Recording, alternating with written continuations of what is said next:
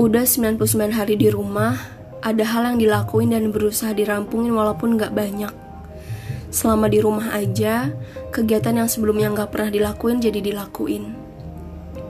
Sering lihat cerita teman-teman yang di Instagram, jadi nyoba atau jadi hobi masak, nanam, dan banyak hal.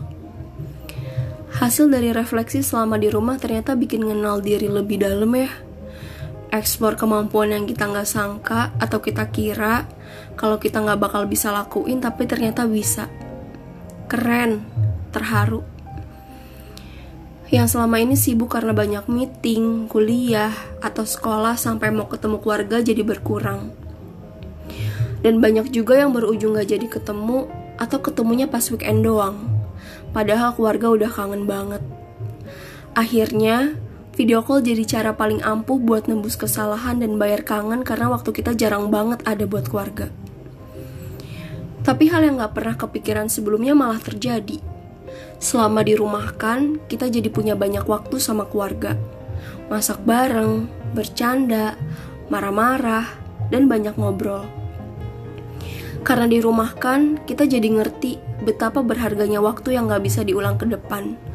Atau bahkan sedetik aja di samping banyak hal yang menyenangkan selama dirumahkan, banyak juga teman-teman yang akhirnya rela nggak bisa ketemu dengan keluarga.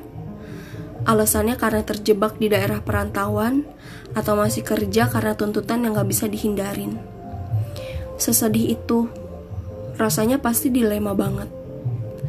Kangen keluarga dan mau menghabiskan banyak waktu di rumah, tapi semesta nggak ngedukung. Berkabar lewat telepon, lagi-lagi jadi cara yang paling ampuh banget buat ngebayar kangen. Walaupun gak bisa. Kecewa udah paling selalu menanti hal-hal yang kita pengen tapi gak terjadi. Pokoknya kecewa banget. Selama dirumahkan, jadi banyak hubungan juga yang kandas. Gak ketemu dan gak bisa nyelesain masalah dengan komunikasi langsung. Itu jadi alasan yang mungkin paling dominan. Berkecamuk sama kangen, dan amarah yang gak bisa diluapin secara nyata. Lagi-lagi kecewa itu bisa datang tanpa diminta ya ternyata. Dan kecewa akan selalu jadi hal yang paling nakutin di dalam perpisahan. Di dalam banyak hal juga. Kita gak bisa request kecewa bisa datang di saat kita kuat. Gak bisa. Kita emang cuma bisa bersyukur sama apa yang datang dan pergi.